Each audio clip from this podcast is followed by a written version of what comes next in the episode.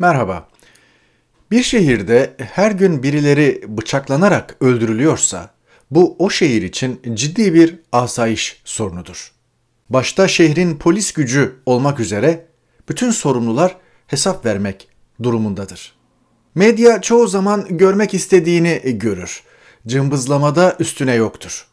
Yüzlerce cinayet içinden sadece biri mesela ırkçı veya dinci saldırıya kolaylıkla evrilebilir. Kaşla göz arasında olur bu ve devlet bütün projektörlerini oraya yönlendirir. Hedef ve amaç bellidir. Belli bir gruba, inanca, millete, ırka mensup kitleyi bağlayacak tedbirler yola çıkar. Kimse de sormaz tabii bu şehirde kaç cinayet oldu ve kaçını ırkçı, kaçını dinci bir katil gerçekleştirdi. Tabi söz konusu eylemci kimi politikaların inşası için özellikle azmettirilmiş görevli bir tetikçi de olabilir. Olabilir bu. Olmuştur da. Onca kavga gürültü arasında bütün bunlar sağlıklı analiz edilemez. Analiz etmeye çalışan linci yer. O arada yayımlanan tüm haberler doğru olabilir fakat eksiktir. Çünkü bir, mukayese yoktur, iki, suç istatistiği yapılmamıştır. Olay gerçekten ırkçı veya dinci bir eylem midir? Değilse katilin kimsenin üzerinde durmadığı farklı bir motivasyonu var mıdır? Gazetecilik işte böyle anlarda devreye girer, girmelidir.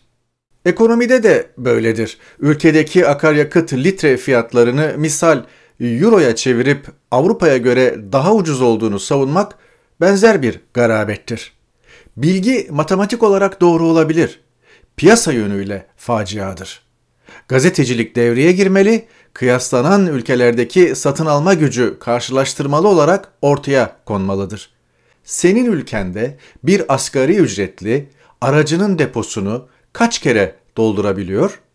Avrupa ülkelerinde durum nasıl? Gazetecilik bunu ortaya koyar.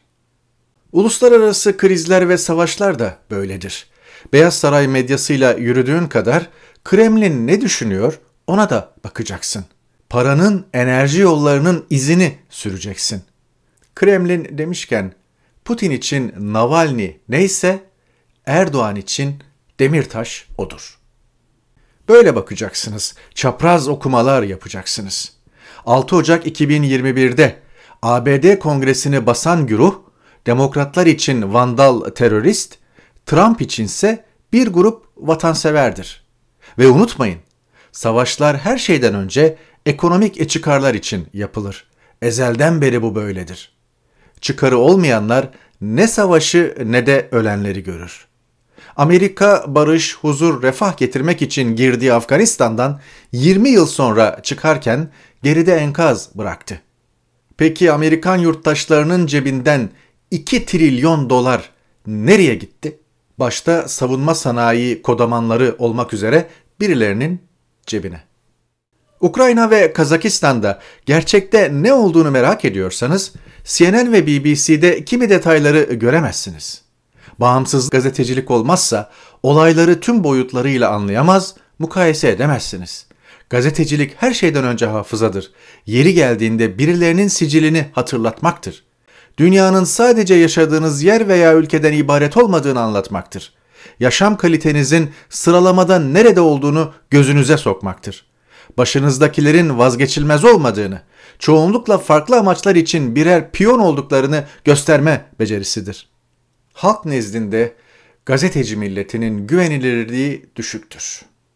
O yüzdendir ki medya bağımsızlığı çok kıymetli ve gereklidir hali vakti yerinde olanların bir Netflix aboneliği ya da Dijitürk aidatı kadar bağımsız gazeteciliği desteklemesi icap eder.